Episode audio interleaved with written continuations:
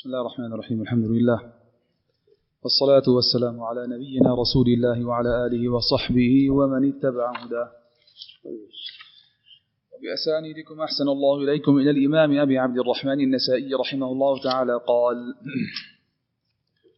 بسم الله الرحمن الرحيم كتاب صلاة الجمعة قال أخبرنا واصل بن عبد الأعلى كوفي قال حدثنا ابن فضيل عن أبي مالك الأشعري عن أبي حازم عن أبي هريرة رضي الله عنه وعن ربعي بن حراش عن حذيفة قال قال رسول الله صلى الله عليه وسلم أضل الله عن الجمعة من كان قبلنا فكان لليهود يوم السبت وكان للنصارى يوم الأحد فجاء الله بنا فهدينا.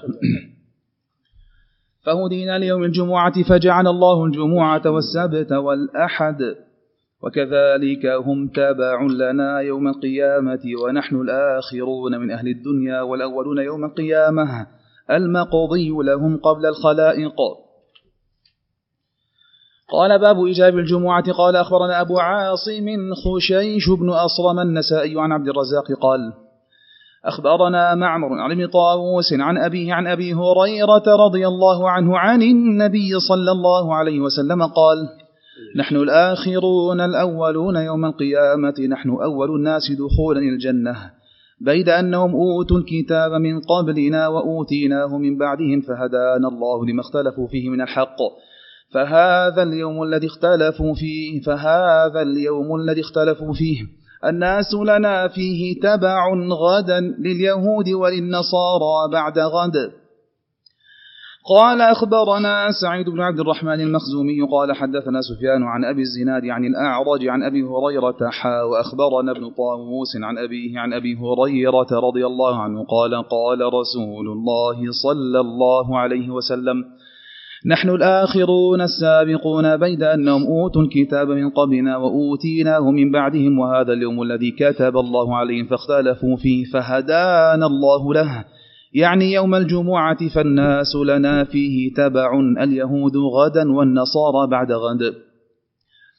قال باب بدء الجمعة. قال أخبرنا محمد بن عبد الله بن عمار قال حدثنا المعافى عن إبراهيم بن طهمان عن محمد بن زياد عن أبي هريرة رضي الله عنه قال إن أول جمعة جمعت بعد جمعة جمعت مع رسول الله صلى الله عليه وسلم بمكة. جمعت بجواثا بالبحرين قضية لعبد القيس. باب التشديد في التخلف عن الجمعة. قال أخبرنا يعقوب بن إبراهيم الدورقي قال حدثنا يحيى بن سعيد عن محمد بن عمرو عن عبيدة بن سفيان الحضرمي عن أبي الجعد الضمري وكانت له صحبة عن النبي صلى الله عليه وسلم أنه قال من ترك ثلاث جمع جمع من ترك ثلاث جمع تهاونا بها طبع الله على قلبه قال أخبرنا عمرو بن سواد بن الأسود بن عمرو السرحي المصري قال أخبرنا ابن وهب قال أخبرني ابن أبي ذئب عن أسيد بن أبي أسيد عن عبد الله بن أبي قتادة عن جابر بن عبد الله أن رسول الله صلى الله عليه وسلم قال من ترك الجمعة ثلاثا من غير ضرورة طبع الله على قلبه. قال أخبرنا محمد بن معمر البصري البحراني قال حدثنا حبان بن هلال قال حدثنا أبان قال حدثنا يحيى بن أبي كثير عن الحضرمي بن لاحق عن زيد وهو ابن سلام عن أبي سلام عن الحاكم بن مينا. قال عن زيد وهو ابن سلام عن أبي سلام عن الحاكم بن مينا أنه سمع ابن عباس وابن عمر رضي الله عنهم يحدثان أن رسول الله صلى الله عليه وسلم قال وهو على أعواد المنبر لا ينتهين أقوام عن ودعهم الجمعات أو ليختمن على قلوبهم ثم ليكونن من الغافلين. قال أخبرنا إبراهيم بن يعقوب قال حدثنا سعيد بن الربيع قال حدثنا علي بن المبارك عن يحيى بن أبي كثير عن زيد بن عن زيد بن سلام عن أبي سلام عن الحاكم بن مينا عن ابن عمر بن عباس رضي الله عنهم قال قال, قال علي ثم كتب به إلي ثم كتب به إلي عن ابن عمر وأبي هريرة أنهما سمعا رسول الله صلى الله عليه وسلم يقول على أعواد منبره لينتهين أقوام عن ودعهم الجمعات أو ليختمن على قلوبهم ثم ليكونن من الغافلين. قال أخبرني محمود بن خالد قال حدثنا الوليد بن مسلم قال حدثنا مفضل بن فضالة عن عياش بن عباس عن بكير عن نافع عن ابن عمر عن حفصة زوج النبي صلى الله عليه وسلم أن النبي صلى الله عليه وسلم قال رواح الجمعة واجب على كل محتلم قال باب كفارة من ترك الجمعة من غير عذر قال أخبرنا أحمد بن سليمان قال حدثنا يزيد بن هارون قال أخبرنا همام عن قتادة عن قدامة بن وبر وبرة عن سمرة بن جندب قال قال رسول الله صلى الله عليه وسلم من ترك جمعة من غير عذر فليتصدق بدينار فإن لم يجد فنصف دينار فنصف, فنصف دينار. قال أخبرنا نصر بن علي قال حدثنا نوح عن خالد عن قتادة عن الحسن عن سمورة عن النبي صلى الله عليه وسلم أنه قال من ترك الجمعة متعمدا فعليه دينار فإن لم يجد فنصف دينار. وفي موضع آخر ليس فيه متعمدا. باب ذكر فضل يوم الجمعة. قال أخبرنا سويد بن نصر قال أخبرنا عبد الله وهو ابن المبارك عن يونس عن الزهري قال حدثنا عبد الرحمن وأخبرنا هارون بن موسى قال حدثنا أبو ضمرة عن يونس عن ابن شهاب قال حدثني عبد الرحمن الأعرج أنه سمع أبا هريرة رضي الله عنه يقول قال رسول الله صلى الله عليه وسلم خير يوم طلعت عليه الشمس يوم اليوم الجمعة فيه خلق آدم عليه السلام وفيه أدخل الجنة وفيه أخرج منها. قال أخبرنا إسحاق بن إبراهيم قال أخبرنا جرير عن منصور بن المعتمر السلمي عن أبي معشر زياد بن كليب عن, إبراهيم عن علقامة عن القرفع الضبي. وكان من القراء الأولين عن سلمان قال قال لي رسول الله صلى الله عليه وسلم ما من رجل يتطهر يوم الجمعة كما أمر ثم يخرج من بيته حتى يأتي الجمعة فينصت حتى يقضي الإمام صلاته إلا كان كفارة لما كان قبله من الجمعة. قال أخبرني إبراهيم بن يعقوب قال حدثنا عفان بن مسلم ويحيى بن حماد والنسق لعفان قال حدثنا أبو عوانة عن المغيرة عن أبي معشر عن إبراهيم عن علقمة عن قرفع الضبي عن سلمان قال قال رسول الله صلى الله عليه وسلم أتدري ما يوم الجمعة؟ قلت الله ورسوله أعلم قال لكني أحدث لكني أنا أحدثك عن يوم الجمعة لا يتطهر رجل ثم يمشي إلى الجمعة ثم ثم ينصت حتى يقضي الإمام صلاته.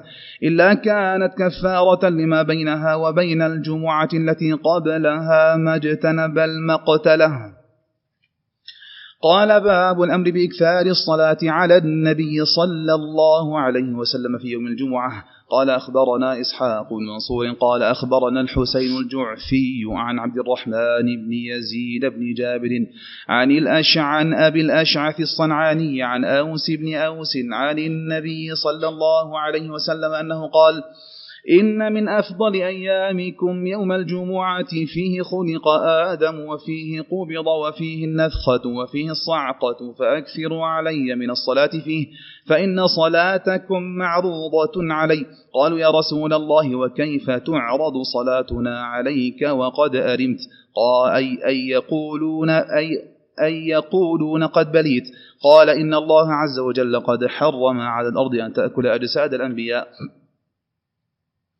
قال باب الأمر بالسواك يوم الجمعة. قال أخبرنا محمد بن سلامة أبو الحارث المصري. قال حدثنا ابن وهب عن عمرو بن الحارث أن سعيد بن أبي هلال وبكير بن الأشج حدثاه عن أبي بكر بن عن أبي بكر بن المنكدر عن عمرو بن عن عمرو بن سليم عن عبد الرحمن بن أبي سعيد عن أبيه أن رسول الله صلى الله عليه وسلم قال الغسل يوم الجمعة على كل محتلم والسواك ويمس من الطيب ما قدر عليه إلا أن بكير لم يذكر عبد الرحمن وقال في الطيب ولو من طيب المرأة. قال باب إجاب الغسل يوم الجمعة. قال أخبرنا قتيبة بن سعيد عن مالك عن صفوان بن سليم عن عطاء بن يسار عن أبي سعيد الخدري رضي الله عنه أن رسول الله صلى الله عليه وسلم قال غسل, غسل يوم الجمعة واجب على كل محتلم. قال أخبرنا حميد بن قال حدثنا بشر قال حدثنا داود وهو ابن أبي هند. عن أبي الزبير عن جابر قال قال رسول الله صلى الله عليه وسلم على كل رجل مسلم في كل سبعة أيام غسل يوم وهو يوم الجمعة. قال أخبرنا كثير بن عبيد الحمصي قال حدثنا محمد بن حرب حمصي عن الزبيدي عن الزهري قال أخبرني سالم عن عبد الله بن عمر عن عمر بن الخطاب أن رسول الله صلى الله عليه وسلم قال من جاء منكم إلى الجمعة فليغتسل.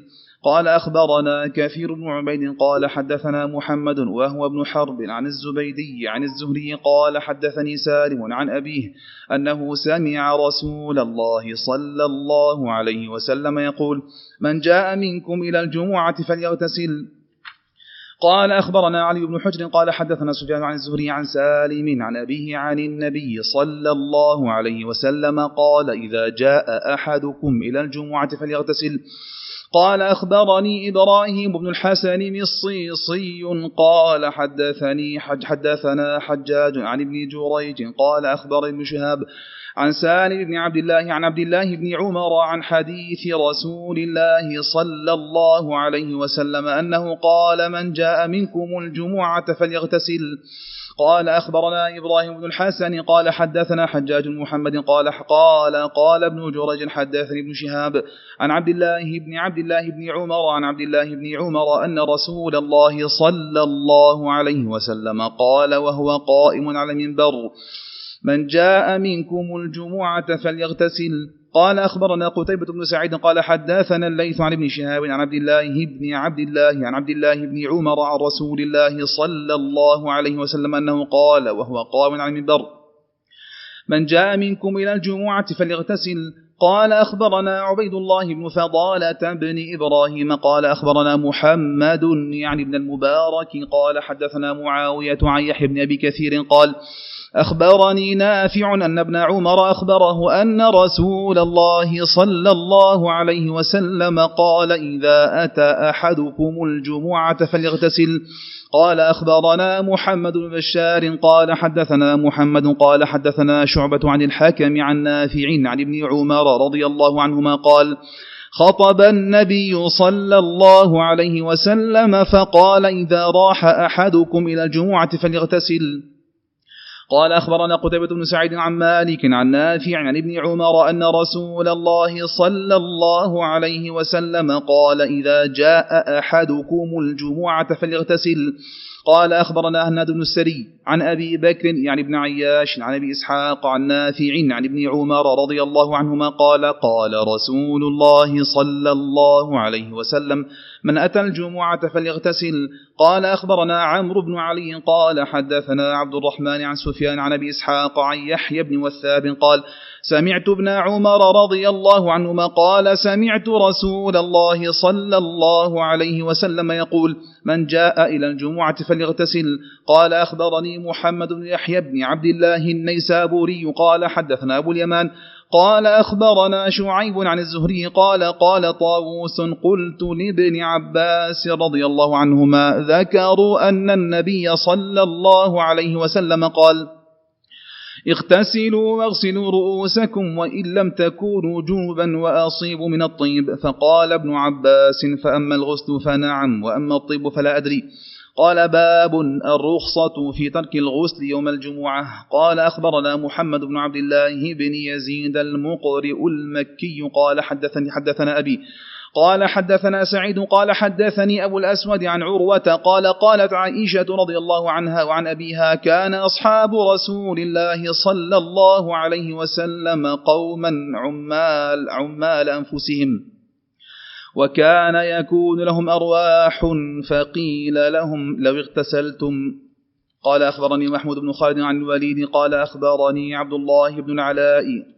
قال أخبرني عبد الله بن العلاء وهو ابن وهو ابن زبر أنه سمع القاسم بن محمد بن أبي بكر أنهم ذكروا غسل يوم الجمعة عند عائشة رضي الله عنها فقالت إنما كان الناس يسكنون العالية فيحضرون الجمعة وبهم وسخ.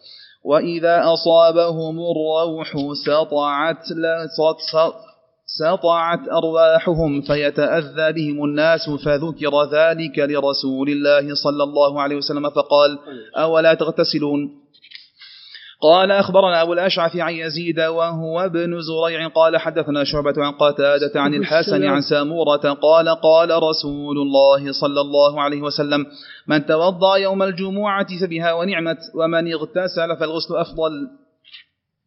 قال باب فضل الغسل. قال أخبرنا أبو الأشعث أحمد بن مقدام العجلي عن يزيد وهو ابن زريع. قال حدثنا شعبة عن قتادة عن الحسن عن سامورة قال قال رسول الله صلى الله عليه وسلم من توضأ يوم الجمعة فبها ونعمت ومن اغتسل فالغسل أفضل.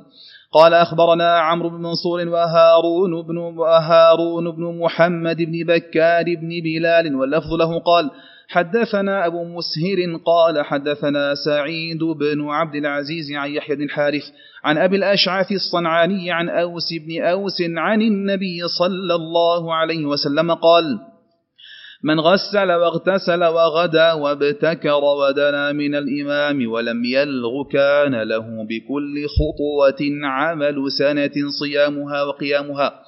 قال باب الهيئة للجمعة قال أخبرنا قتيبة بن سعيد عن مالك عن نافع عن عبد الله بن عمر أن عمر بن الخطاب رأى حلة سيراء تباع عند باب المسجد فقال يا رسول الله لو اشتريت هذه فلبستها يوم الجمعة وللوفد إذا قدموا عليك. فقال رسول الله صلى الله عليه وسلم إنما يلبس هذا من لا خلاق له في الآخرة. ثم جاء رسول الله صلى الله عليه وسلم منها حلل فأعطى عمر منها حلة. فقال عمر يا رسول الله كسوتنيها كسوتنيها وقد قلت في حلة عطارد ما قلت. قال رسول الله صلى الله عليه وسلم لم أكسكها لتلبسها لتلبسها فكساها عمر أخا له مشركا بمكة. قال أخبرنا إسحاق بن إبراهيم قال أخبرنا عبد الله بن الحارث المخزومي عن حنظالة بن أبي سفيان عن سالم بن عبد الله قال سمعت ابن عمر يحدث أن عمر بن الخطاب خرج فرأى حلة حلة استبرق تباع في السوق فأتى رسول الله صلى الله عليه وسلم فقال يا رسول الله اشترها فالبسها يوم الجمعة حين يقدم عليك الوفد. فقال رسول الله صلى الله عليه وسلم إنما يلبس هذه من لا خلاق له ثم أوتي رسول الله صلى الله عليه وسلم بثلاث حلل منها فكسى عمر منها حلة وكسى عليا حلة. وكسى أسامة حلة فأتاه فقال يا رسول الله قلت فيها ما قلت ثم بعثت بها إلي فقال بعها فقض بها حاجتك أو شققها خمرا أو شققها خمرا بين نسائك. قال أخبرني هارون بن عبد الله قال حدثنا الحسن بن سوار قال حدثنا الليث قال حدثنا خالد وهو ابن يزيد عن سعيد وهو ابن أبي هلال عن أبي بكر بن المنكدر أن عمر بن سليم أخبره عن عبد الرحمن بن أبي سعيد عن أبيه عن رسول الله صلى الله عليه وسلم قال إن الغسل يوم الجمعة واجب على كل محتلم والسواك وأن يمس من الطيب ما يقدر عليه.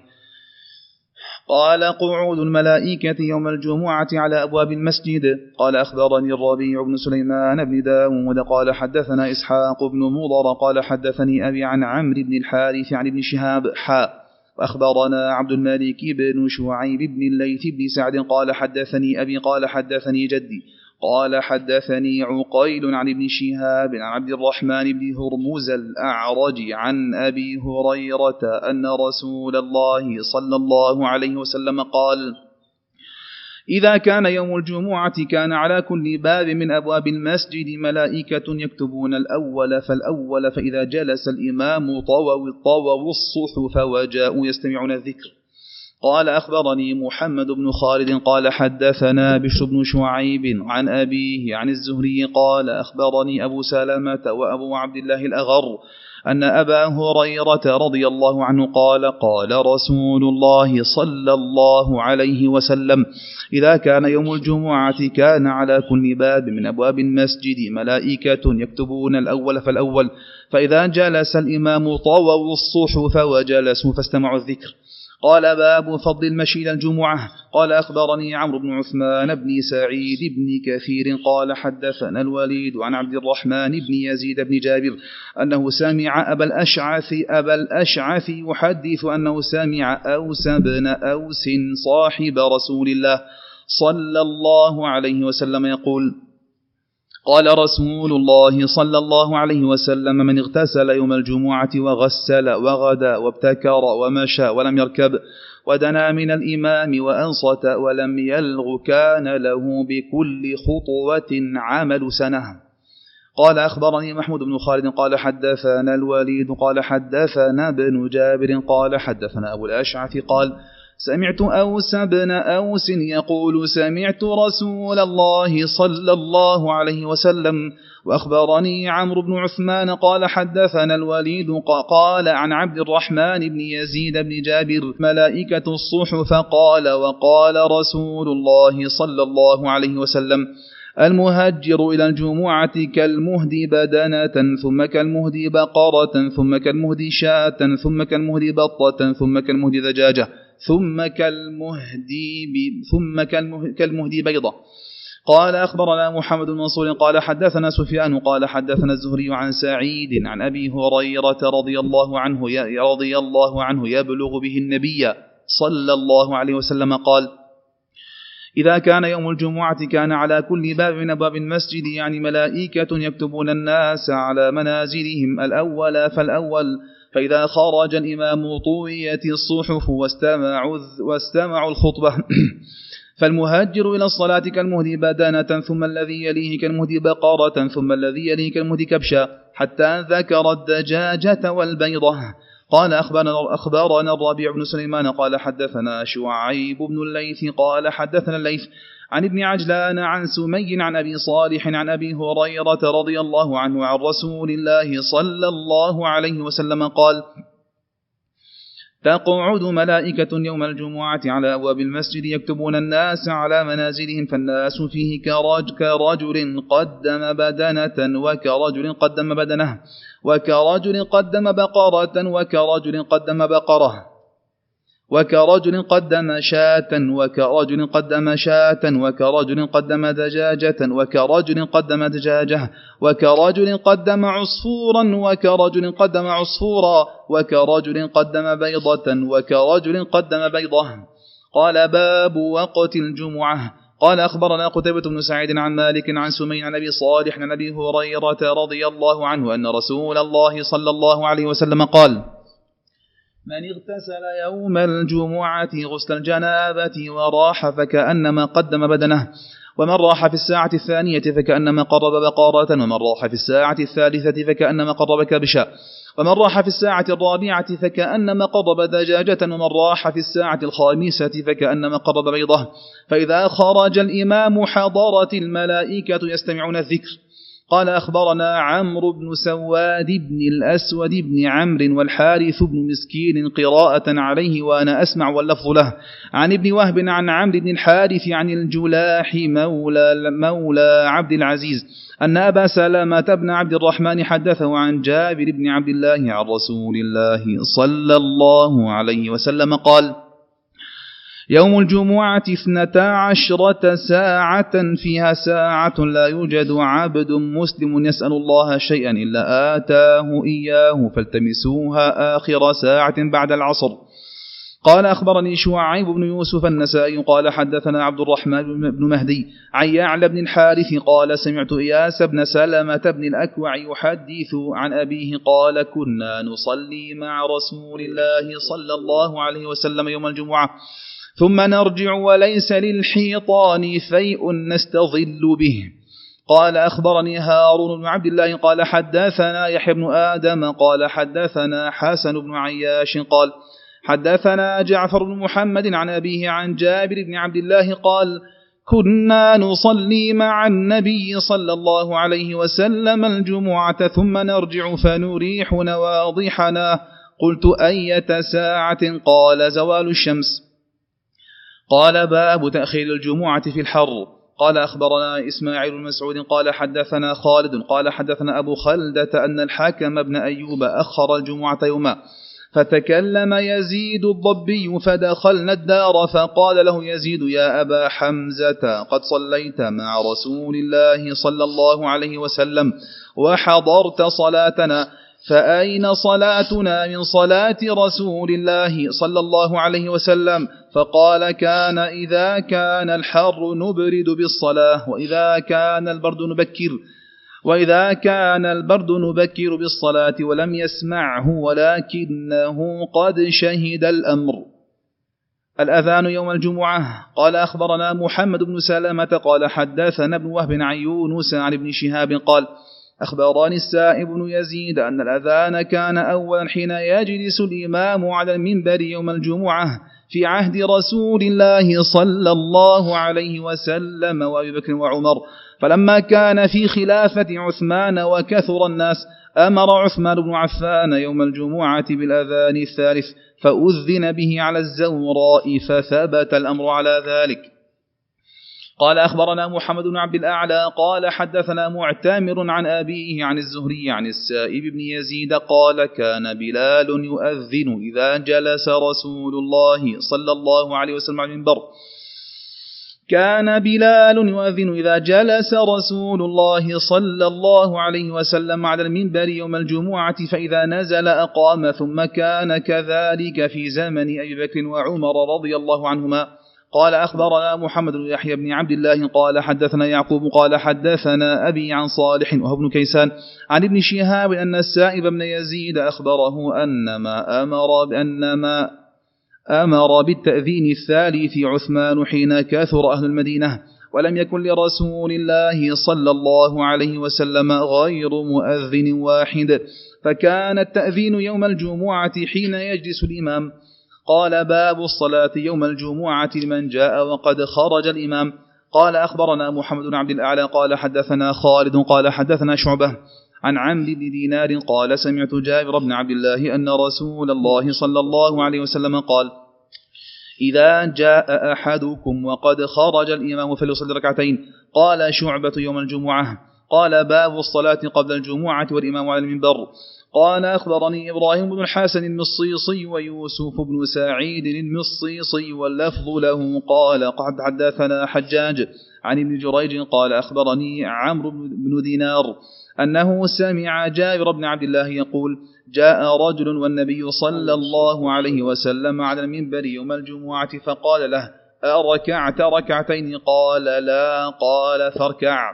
قال أخبرنا قتيبة بن سعيد قال حدثنا الليث عن أبي الزبير عن جابر قال جاء سليك الغطفاني ورسول الله صلى الله عليه وسلم قعد المنبر. فقعد سليك قبل أن يصلي فقال له النبي صلى الله عليه وسلم ركعت ركعتين قال لا قال قم فاركعهما. قال باب النهي عن تخطي رقاب الناس والإمام يخطب على المنبر يوم الجمعة. قال أخبرنا وهو بن بيان قال أخبرنا وهو بن بيان المصري قال حدثنا ابن وهب قال سمعت معاوية يعني ابن صالح يحدث عن أبي الزاهرية عن عبد الله بن بسر قال كنت جالسا إلى جانبه يوم الجمعة فقال جاء رجل يتخطى رقاب الناس يوم الجمعة ورسول الله صلى الله عليه وسلم يخطب الناس. فقال له رسول الله صلى الله عليه وسلم اجلس فقد آذيت. قال باب قال باب الدنو عن الإمام من الإمام يوم الجمعة. قال أخبرني محمود بن خالد قال حدثنا عمر يعني بن عبد واحد قال سمعت يحيى بن الحارث يحدث عن أبي الأشعث الصنعاني عن أوس بن أوس الثقفي عن رسول الله صلى الله عليه وسلم قال من غسل واغتسل ثم ابتكر وغدا ودنا من الإمام وأنصت. ثم لم يلغ كان له بكل خطوة كأجر سنة صيامها وقيامها. قال أخبرنا عبد الرحمن بن محمد قال حدثنا عمرو عمرو بن محمد قال حدثنا سفيان الثوري عن عبد الله بن عيسى عن يحيى بن الحارث عن أبي الأشعث عن أوس بن أوس قال قال رسول الله صلى الله عليه وسلم من غسل واغتسل ثم غدا وابتكر وجلس قريبا من الإمام فاستمع وأنصت كان له كان له بكل خطوة أجر سنة صيامها وقيامها. قال باب كيف الخطوة؟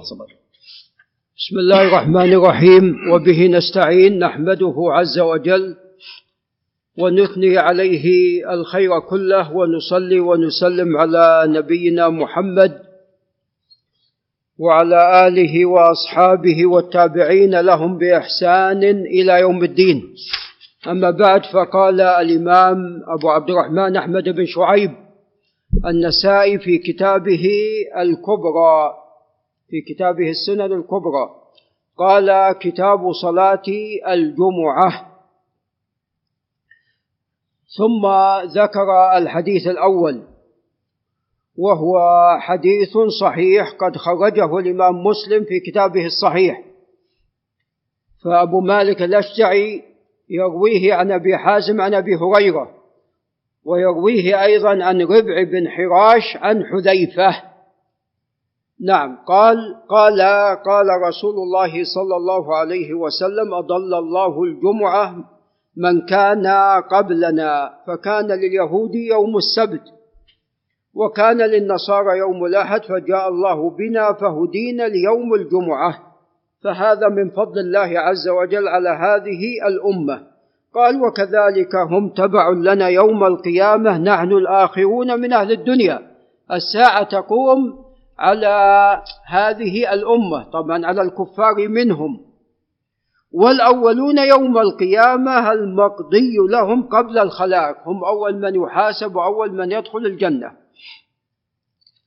ثم قال المصنف إيجاب الجمعة والجمعة بالاتفاق أنها فرض أنها فرض عين على الرجال البالغين. نعم. ثم ذكر حديث معمر عن ابن طاووس عن أبيه عن أبي هريرة رضي الله تعالى عنه عن النبي صلى الله عليه وسلم والحديث قد خرجه الشيخان. قال نحن, نحن الآخرون الأولون يوم القيامة نحن أول الناس دخولا الجنة. بيد أنهم أوتوا الكتاب من قبلنا لأنهم قد سبقونا في الزمن. ولكن نحن سبقناهم بحمد الله في الرتبة والفضل.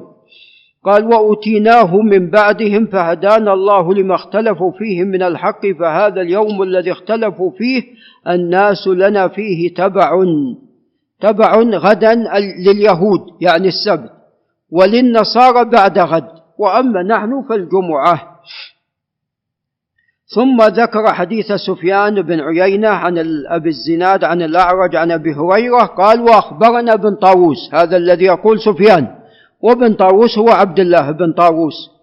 عن أبيه عن أبي هريرة قال قال رسول الله صلى الله عليه وسلم فذكر الحديث وفيه وهذا اليوم الذي كتب الله عليهم. وهذا وجه الشاهد كتب أي أوجب جل وعلا. ثم قال بدء الجمعة.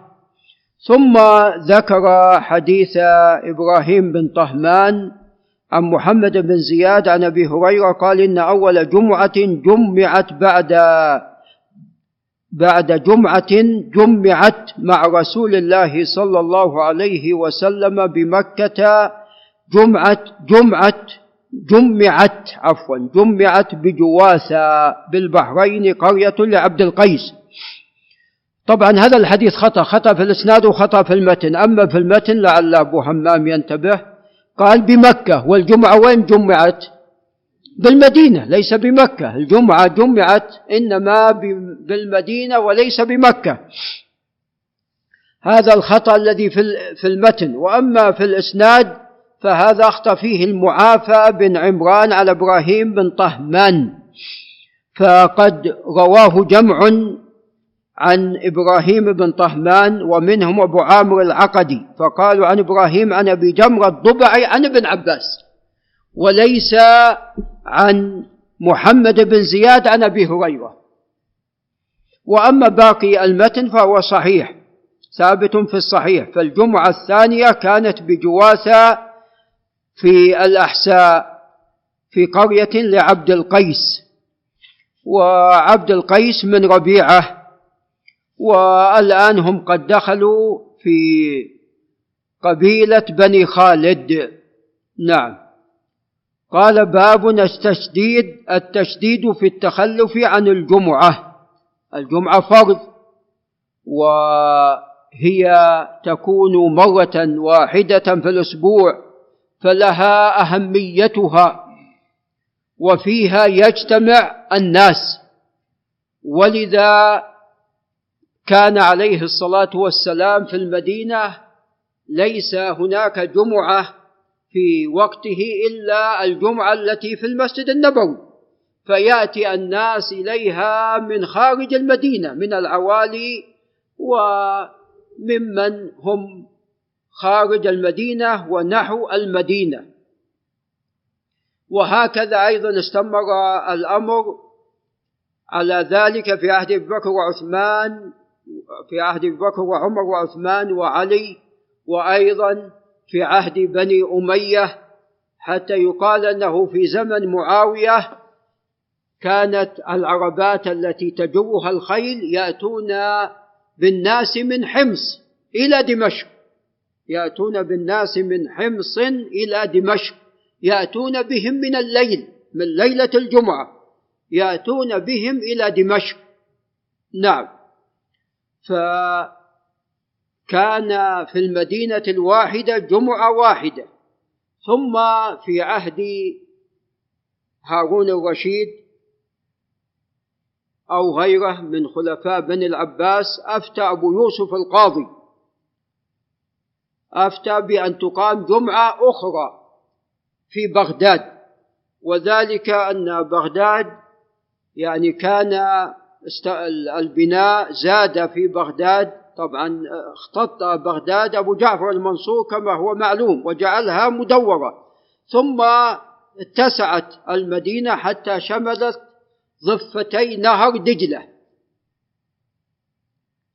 فكان الناس ينتقلون من الجانب الآخر إلى من الجانب الآخر إلى الجانب الأول من ضفة النهر من ضفة نهر دجلة. وهذا فيه مشقة فيقول نفتى آه، أبو يوسف القاضي بأن تقام جمعة في الجهة الأخرى وإلا كان هناك في المدن لم يكن هناك إلا جمعة واحدة. وقد ألف غير واحد من أهل العلم وأكثر من شدد في ذلك هم فقهاء الشافعية فألف العراقي وغيره لعل السبكي أيضا ألفوا رسائل في عدم تعدد الجمعة.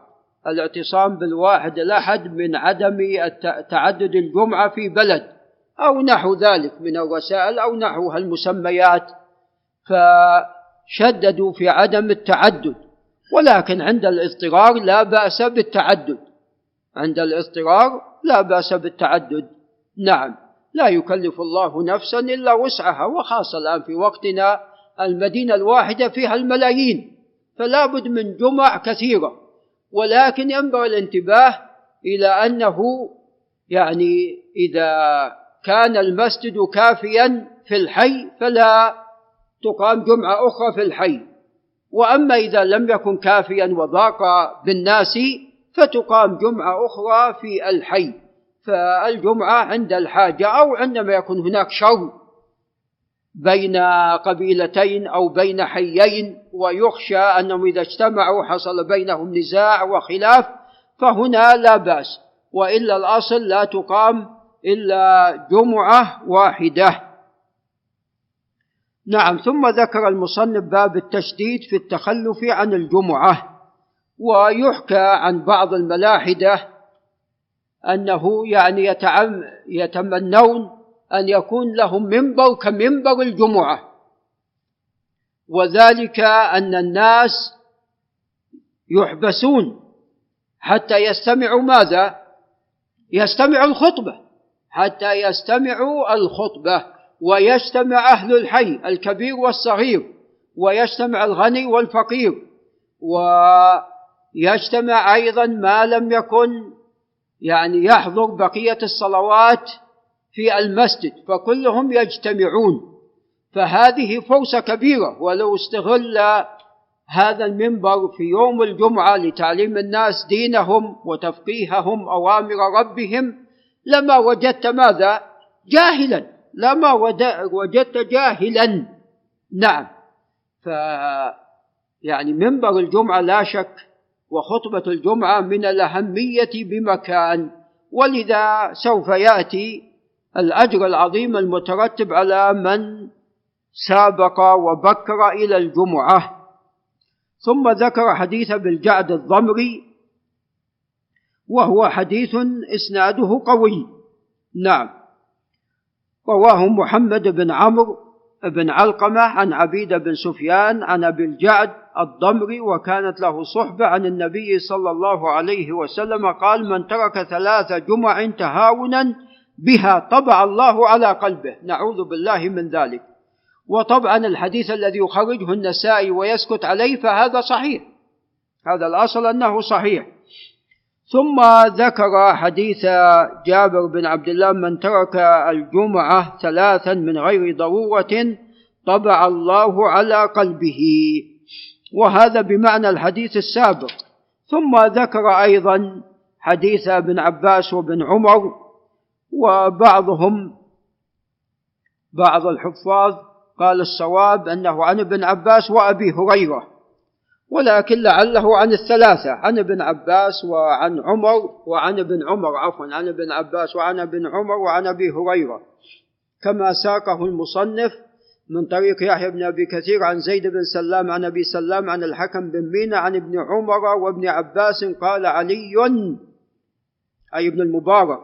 ثم كتب به إلي عن ابن عمر وأبي هريرة أنهم سمع رسول الله صلى الله عليه وسلم يقول على أعواد منبره لينتهين أقوام عن ودعهم الجمعات أو ليختمن الله على قلوبهم ثم ليكونن من الغافلين. نعم هذا قد خرجه مسلم هذا قد خرجه مسلم والصواب عفوا. عن ابن عن ابن عباس وأبي هريرة. صواب عن ابن عباس وأبي هريرة بدون ماذا؟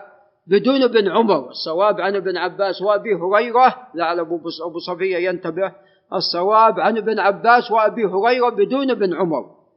نعم وهكذا خرجه مسلم في الصحيح. ثم ذكر حديث حفصة زوج النبي صلى الله عليه وسلم. أن النبي عليه الصلاة والسلام قال رواه الجمعة واجب على كل محتلم. وهذا قد صححه ابن خزيمة وابن حبان والحاكم أو ابن الجارود نعم وقال ابن الملقن إسناده على شرط الصحيح. نعم وإن كان وقع فيه غرابة. ثم قال باب كفارة من ترك الجمعة من غير عذر. فذكر حديث قتادة عن قدام بن وبرة عن سمرة بن جندب. قال قال رسول الله صلى الله عليه وسلم من ترك جمعة من غير عذر فليتصدق بدينار فإن لم يجد فبنصف دينار. وهذا قد ضعفه الإمام أحمد. هذا قد ضعفه الإمام أحمد. فقال قدام بن وبر يرويه لا يعرف ورواه أيوب بن العلاء فلم يصل إسناده كما وصله همام أيوب بن العلاء قد أرسله. نعم. ثم ذكره من حديث قتادة عن الحسن عن سمرة والأقرب والله أعلم من حديث قتادة عن قدامة بن وبرة.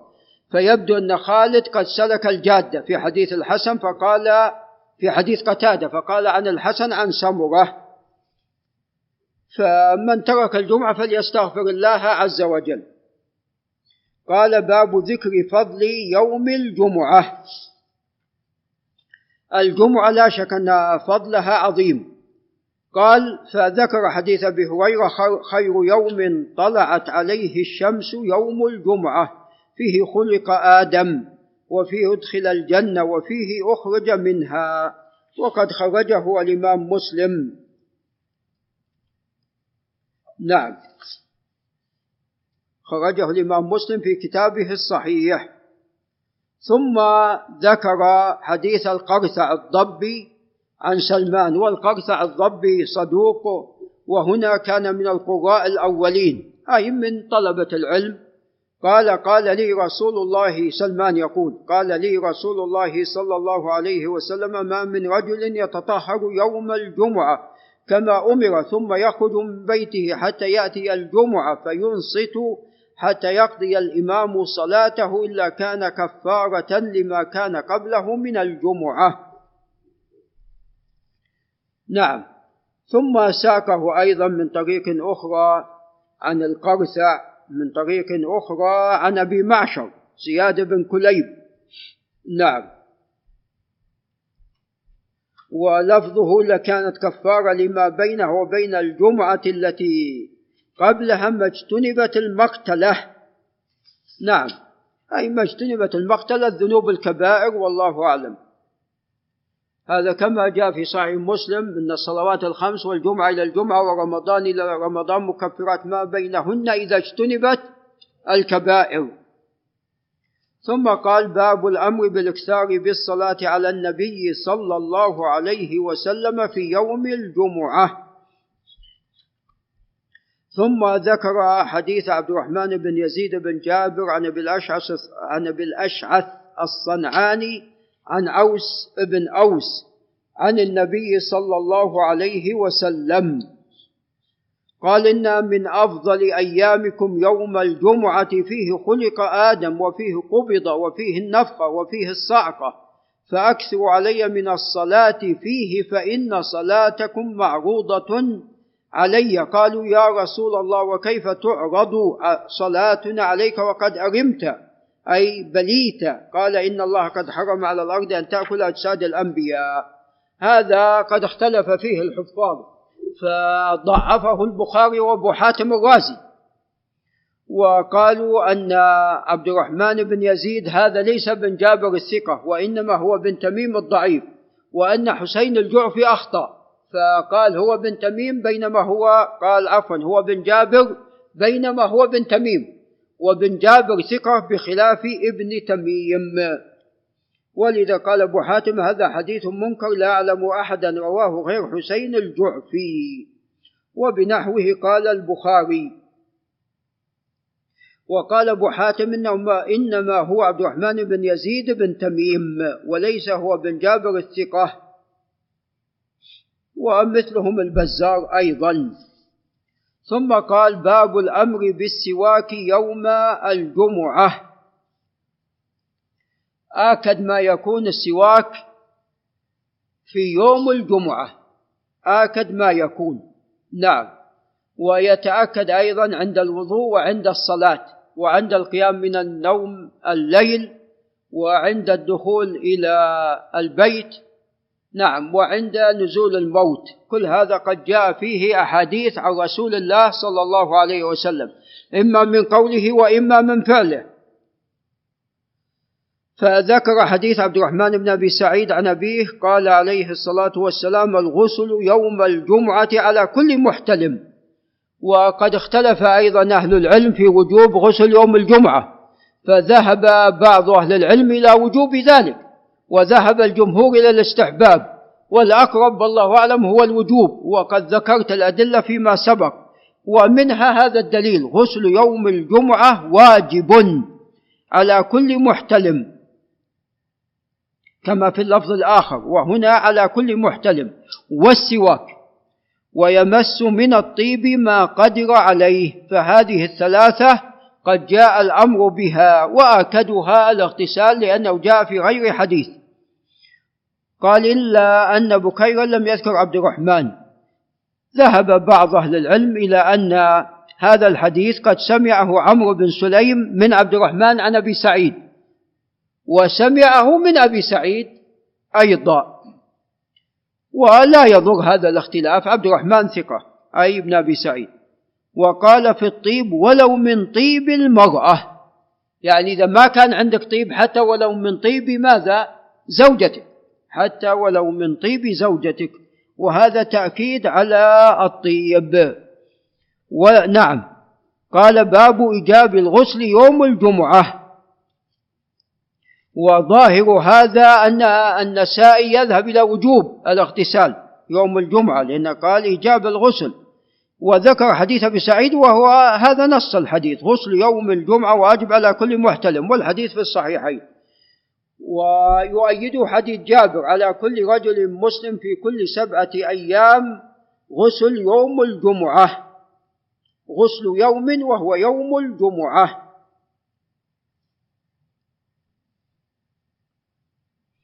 نعم طبعا هذا الحديث آه، أبو حاتم يرى أنه خطأ. يقول الثقات رووه عن أبي الزبير عن طاووس عن أبي هريرة موقوفا عليه. نعم. وقد صح في الصحيح مرفوعا من حديث أبي هريرة. نعم. ثم ذكر حديث عمر بن الخطاب وهو ثابت في الصحيحين من جاء منكم إلى الجمعة فليغتسل. وساقه من طريق أخرى من جاء منكم إلى الجمعة فليغتسل. وأيضا إذا جاء أحدكم إلى الجمعة فليغتسل ومن جاء منكم الجمعة فليغتسل. ومن جاء منكم الجمعة فليغتسل. نعم. ثم ذكره بلفظ إذا أتى أحدكم الجمعة فليغتسل. كلها يعني أسانيد صحيحة والحديث في الصحيحين وقد جاء من أكثر من طريق. وبعضهم يستدل بقصة عثمان أنه عندما سمع الأذان في عهد عمر توضأ وجاء فأنكر عليه عمر وهو على المنبر. فقال يعني أنا ما إن سمعت الأذان إن حتى توضأت وجئت قال والوضوء أيضا. وقد علمت أن الرسول عليه الصلاة والسلام يأمر بالاغتسال. فاستدل به بعض أهل العلم على أن الجمعة على أنه لا يجب الاغتسال للجمعة. قال لأن عثمان توضأ. وعمر ما قال له ارجع واغتسل. نقول لو ذهب يغتسل ويعود راح يحصل جمعة راح يحصل غسل ولا يحصل جمعة. راح تفوته. نعم فحنا لا نقول كما يقول أبو محمد بن حزم رحمه الله يقول غسل جمعة شرط. فعند الذي لا يغتسل يوم الجمعة باطل صلاته. يقول له اغتسل العصر. يقول له اغتسل قبل المغرب. إذا غابت الشمس يوم الجمعة ولا اغتسل خلص لو حتى صلى الجمعة جمعة باطلة. فهو جعل الغسل لليوم والصواب أن الغسل للصلاة. الصواب أن من جاء منكم الجمعة. نعم الغسل للصلاة ليس لليوم. نعم فهو واجب ليس بشرط. يعني إذا الإنسان توضأ وصلى الجمعة جمعة صحيحة لكن قصر في ماذا؟ في ترك الواجب. قصر في ترك هذا الواجب.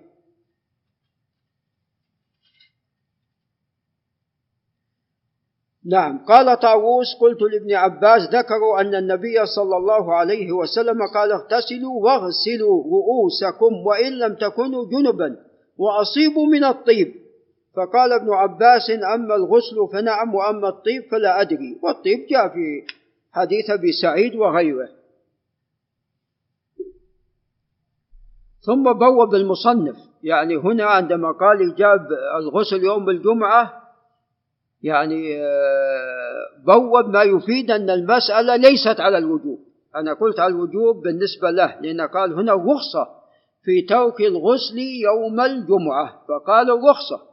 فذكر حديث عروة عن عائشة كان أصحاب رسول الله صلى الله عليه وسلم قوما عمال أنفس أنفسهم وكانوا وكان يكون لهم أرواح أي جمع ريح. فقيل لهم لو اغتسلتم ولكن في حديث أبي سعيد غسل يوم الجمعة واجب. نعم. نعم هذا موجود أنا عندي وفي بعض النسخ. نعم. وهذه طبعة التأصيل.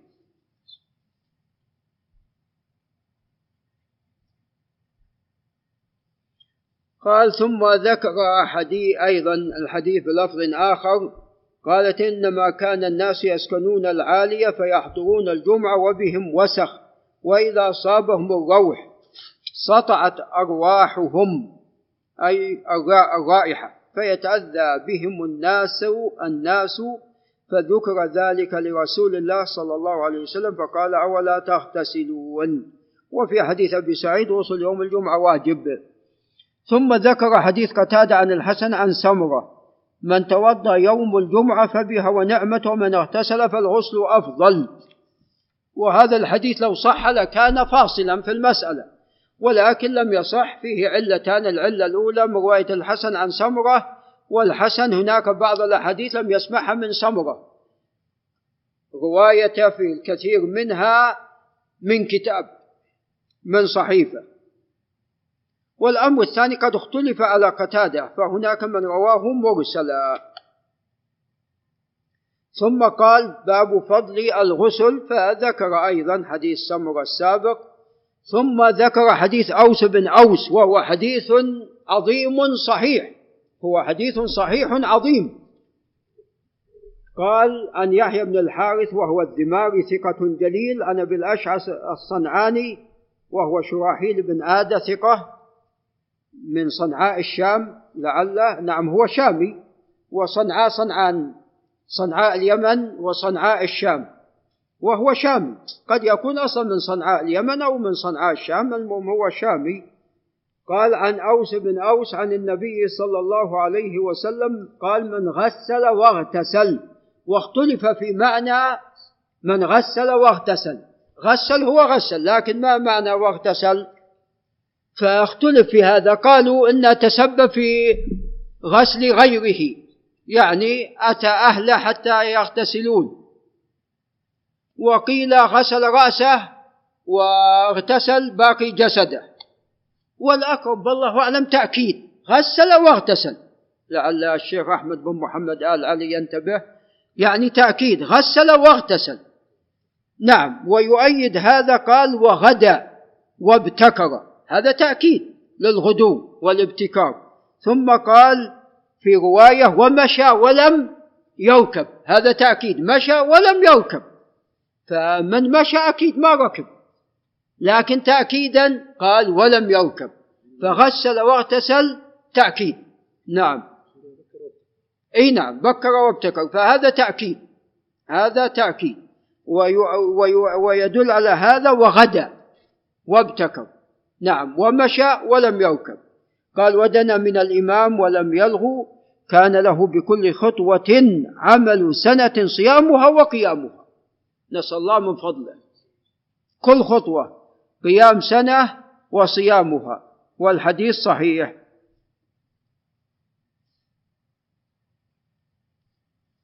قال باب الهيئة للجمعة. يعني الاستعداد للجمعة بالاغتسال وبلبس جميل الثياب نعم وبالطيب وبالسواك وبالابتكار البكور وبالمشي نعم وبالإنصات نعم. هذه سبعة أشياء جاء جاء الأمر بها للجمعة. فذكر حديث عمر في الحلة السيراء التي كانت تباع من حرير فقال لو اشتريتها قال إنما يلبس هذا من لا خلاق له في الآخرة لأن الحرير محرم على الرجال ثم. ثم أرسل الرسول عليه الصلاة والسلام جاءت حلل من حرير فأرسل لعمر فقال كسوتنيها وقد قلت في حلة عطارد ما قلت قال لم أكسكها لتلبسها فكساها عمر أخا له مشركا بمكة. وفي رواية بعها فاقض بها حاجتك أو شقق أو شققها خمرا بين نسائك. نعم ثم ذكر حديث أبي سعيد المتقدم إن الغسل يوم الجمعة واجب على كل محتلم محتلم والسواك وأن يمس من الطيب ما يقدر عليه وهذا كله يدل على تأكيد ذلك. قال قعود الملائكة يوم الجمعة على أبواب المسجد. ثم ذكر حديث ابن شهاب عن الأعرج عن أبي هريرة أن الرسول عليه الصلاة والسلام قال إذا كان يوم الجمعة كان على كل باب من أبواب المسجد ملائكة يكتبون الأول فالأول فإذا جلس الإمام طووا الصحف وجاءوا يستمعون الذكر و يعني ظاهر هذا أن من حين يجلس على المنبر حتى لو بدأ حتى لو لم يبدأ المؤذن بماذا؟ بالأذان أن الملائكة خلاص تطوي الصحف والحديث في الصحيحين. نعم. ثم قال باب فضل المشي يوم الجمعة وذكر حديث عبد الرحمن بن يزيد بن جابر عن أبي الأشعث وقد تقدم من حديث يحيى بن الحارث الذماري عن كلاهما عن أبي الأشعث عن أوس بن أوس عن أوس بن أوس. وقال قال رسول الله صلى الله عليه وسلم من اغتسل يوم الجمعة وغسل وغدا وابتكر ومشى ولم يركب ودنا من الإمام وأنصت ولم يلغو كان له بكل خطوة عمل سنة.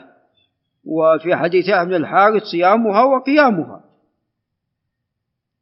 ولذا قال ابن جابر فذاكرني يحيى بن الحارث هذا فقال أنا سمعت أبا الأشعث يحدث بهذا الحديث وقال بكل قدم عمل بكل قدم عمل سنة صيامها وقيامها. قال ابن جابر حفظ يحيى ونسيت.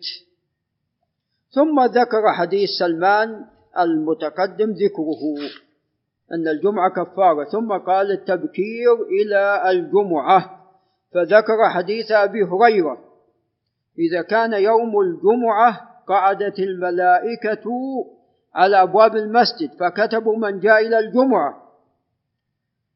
فإذا خرج الإمام طوت الملائكة الصحف قال وقال رسول الله صلى الله عليه وسلم المهجر إلى الجمعة كالمهدي بدنه ثم كالمهدي بقرة هذا في الساعة الثانية ثم كالمهدي شاة في الثالثة ثم كالمهدي بطة وهذه شاذة هذه رواية.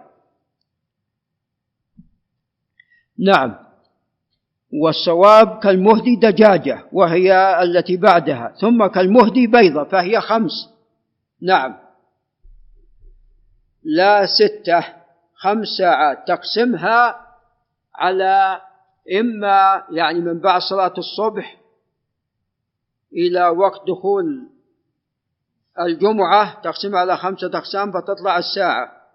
ويختلف تعلمون من الصيف إلى الشتاء أو من طلوع الشمس إلى دخول وقت الجمعة. لأن في خلاف متى يبدأ يوم الجمعة؟ ليس ليس قبل الفجر طبعا وليس قبل صلاة الصبح لأن الإنسان في صلاة الصبح مشغول بأي شيء؟ بصلاة الصبح مخاطب بصلاة الصبح. فبعد صلاة الصبح فما ينتهي وقت صلاة الصبح إلا بطلوع الشمس. فلعل من طلوع الشمس والله أعلم. هذه الساعات تأخذ تقسم على خمس. والله قد يكون بارك الله فيكم من عبد الأعلى وقد يكون من معمر. نعم. قال النووي في الخلاصة وهي زيادة شاذة لمخالفتها الروايات المشهورة والحديث في الصحيحين بدونها. ولذا ساقه المصنف بعد ذلك على الوجه الصحيح. قال حتى ذكر الدجاجة والبيضة ولم يذكر ماذا البطة. ثم ساق أيضا رواية شاذة. نعم. قال تقعد ملائكة يوم الجمعة على أبواب المسجد يكتبون الناس على منازلهم. فالناس فيه كرجل قدم بدنه وكرجل قدم بدنه. وكرجل قدم بقرة وكرجل قدم بقرة وكرجل قدم شاة وكرجل قدم شاة وكرجل قدم دجاجة وكرجل قدم دجاجة وكرجل قدم عصفورا هذه شاذة. وكرجل قدم عصفورا وكرجل قدم بيضة. هذا الثابت بدون عصفور ولعل الخطأ من ابن عجلان. ثم قال وقت الجمعة. نعم هناك وقتان وقت اتفق عليه أهل العلم ووقت اختلفوا فيه. الوقت اللي اتفق عليه أهل العلم هو بعد الزوال. والذي اختلفوا فيه هو من ارتفاع الشمس. ذهب الحنابلة إلى أن الجمعة تكون من بعد ارتفاع الشمس. وقتها كوقت صلاة العيد. نعم. وحدثنا الشيخ عبد الرزاق العفيفي رحمه الله أن عبد العزيز الفيصل آل سعود كان يصلي الجمعة الضحى. هم مع يعني الحاشية ومن كان في القصر وكذا كان يصليها الضحى وأظن ما أدري يعني هو قال من آل الشيخ يصلي فيه يخطب وأظن الشيخ عبد الملك آل الشيخ أظن. المهم هذا هو المشهور عند الحنابلة وجاء هذا عن بعض الصحابة فذهب إلى هذا الإمام أحمد. نعم. ذهب إلى هذا الإمام أحمد جاء من حديث عبد الله بن سيدان أن صلى مع أبو بكر في أول النهار ومع عمر انتصف النهار ومع عثمان بعد الزوال. فاستدل به الإمام أحمد على أن الجمعة تكون قبل يجوز أن تكون قبل. نعم. وقال البخاري عن عبد الله بن سيدان قال فيه نظر والإمام أحمد قواه. نعم. والأحوط وهذه فتوى اللجنة الدائمة بعد الشيخ عبد العزيز أنها بعد الزوال أنها تكون بعد الزوال. ما ثبت عن الرسول عليه الصلاة والسلام يعني أنه صلى الضحى صلى الضحى أي الجمعة صلاها ضحى. نعم وإنما جاء عن بعض الصحابة لكن يعني سوف يأتينا حديث أنها عند الزوال. نعم حديث جابر. نعم قال باب وقت الجمعة فذكر الساعات الخمس. نعم. والحديث صحيح خرجه الشيخان. ثم ذكر حديث الجلاح أن أبا سلمة حدثه عن جابر. عن رسول الله عليه الصلاة والسلام قال يوم الجمعة اثنتا عشرة ساعة. الساعة هنا ليست هي الساعة ستين دقيقة. وإنما الساعة هي مقدار من الزمن. ولذا كما تقدم تزيد وماذا؟ وتنقص باختلاف الوقت. نعم في الشتاء عندما يكون النهار قصير تنقص الساعة وعندما ساعات الجمعة وعندما في الصيف النهار طويل تزيد. نعم هذه الساعات. قال يوم الجمعة اثنتا عشر ساعة فيها ساعة لا يوجد. عبد مسلم يسأل الله شيئا إلا آتاه إياه فالتمسوها آخر ساعة بعد العصر. وهذا طبعا تكلم فيه ابن عبد البر. هذا تكلم فيه ابن عبد البر. نعم. وإسناده قوي. إسناده قوي صحح الحاكم وتكلم فيه ابن عبد البر. نعم. نعم. وهذه الساعة الوقت اللي جاء هنا هذا هو مذهب أكثر أهل العلم إنها آخر ساعة من يوم الجمعة. قال ابن عبد البر هذه قاعدة ذكرها ابن عبد البر. قال كل زمان فاضل فإن آخرة أفضل من أوله. شوف رمضان زمان فاضل آخره أفضل من أوله. العشر الأخير أفضل من العشر الأول. شوف الليل. آخر الليل وقت السحر أفضل من أوله. فذهب بعض أهل العلم إلى أن ساعة الجمعة هي في آخر ساعة. والقول الآخر طبعا المسألة فيها أربعين قول. لكن أقواها هذان القولان. القول الثاني أن من حين يصعد الإمام على المنبر إلى نهاية الصلاة. وأنا أنا أميل إلى هذا القول. أميل إلى هذا القول. جاء حديث في مسلم ولكن تكلم فيه الدار قطني. تكلم فيه الدار قطني. ولكن عندنا حديث أبي هريرة في الصحيح. قال فيها ساعة لا يوافقها عبد مسلم وهو قائم يصلي.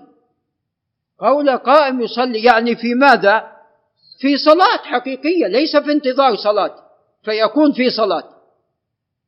آخر ساعة ما فيها صلاة. في حديث أبي هريرة في الصحيح قال وهو قائم يصلي والله أعلم.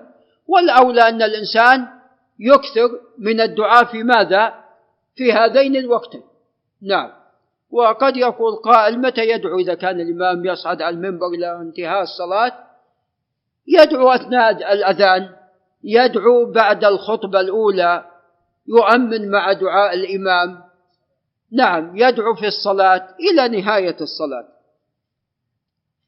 ثم ذكر حديث سلم بن الأكوى قال كنا نصلي مع رسول الله صلى الله عليه وسلم يوم الجمعة ثم نرجع وليس للحيطان فيء نستظل به. يعني توها الشمس ماذا؟ قد زالت. وتعلمون أن خطبة عليه الصلاة والسلام قصيرة. نعم. وقد تكون صلاة عليه الصلاة والسلام يعني نحو الثلث ساعة أو نحو ذلك.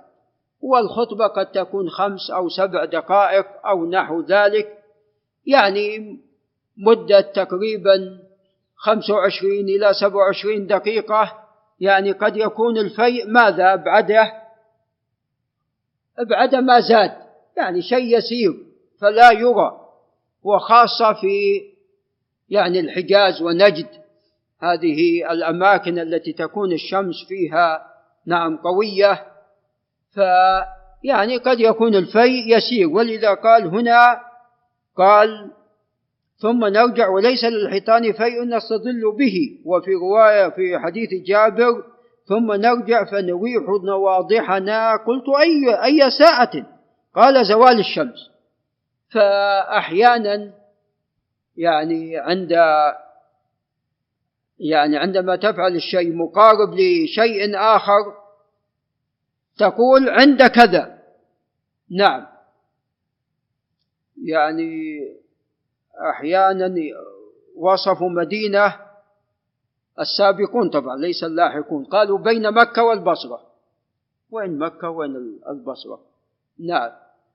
ف يعني تقول سوت والقمر فأحيانا يعني يصفون الشيء يعني وإن كان بعيد إلا أنه يعني له مقاربة أو له صلة بهذا الشيء.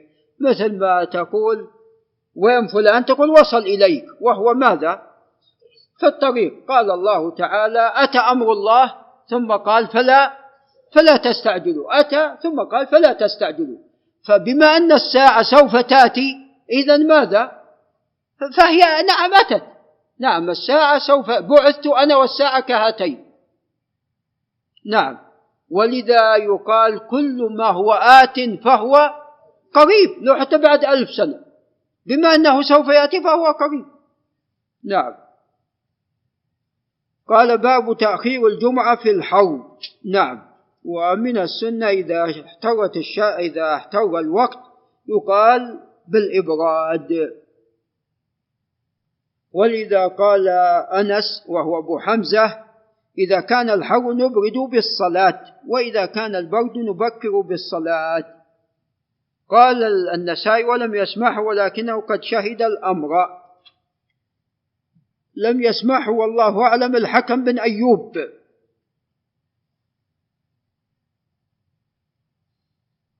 والله أعلم. مع أن الحكم يقول فدخلنا الدار فقال يزيد يا أبا حمزة نعم. شهد الأمر شهد تكلم يزيد الضبي. يزيد الضبي تكلم على بعض خلفاء بعض عفوا.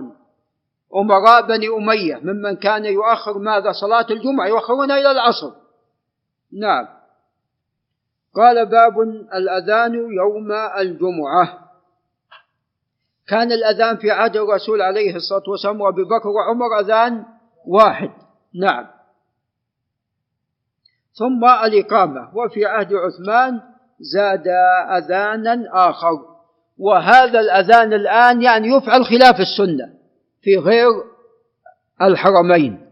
متى يؤذن الآن الأذان الأول؟ قبل ساعة أو ساعة ونصف وهذا خطأ.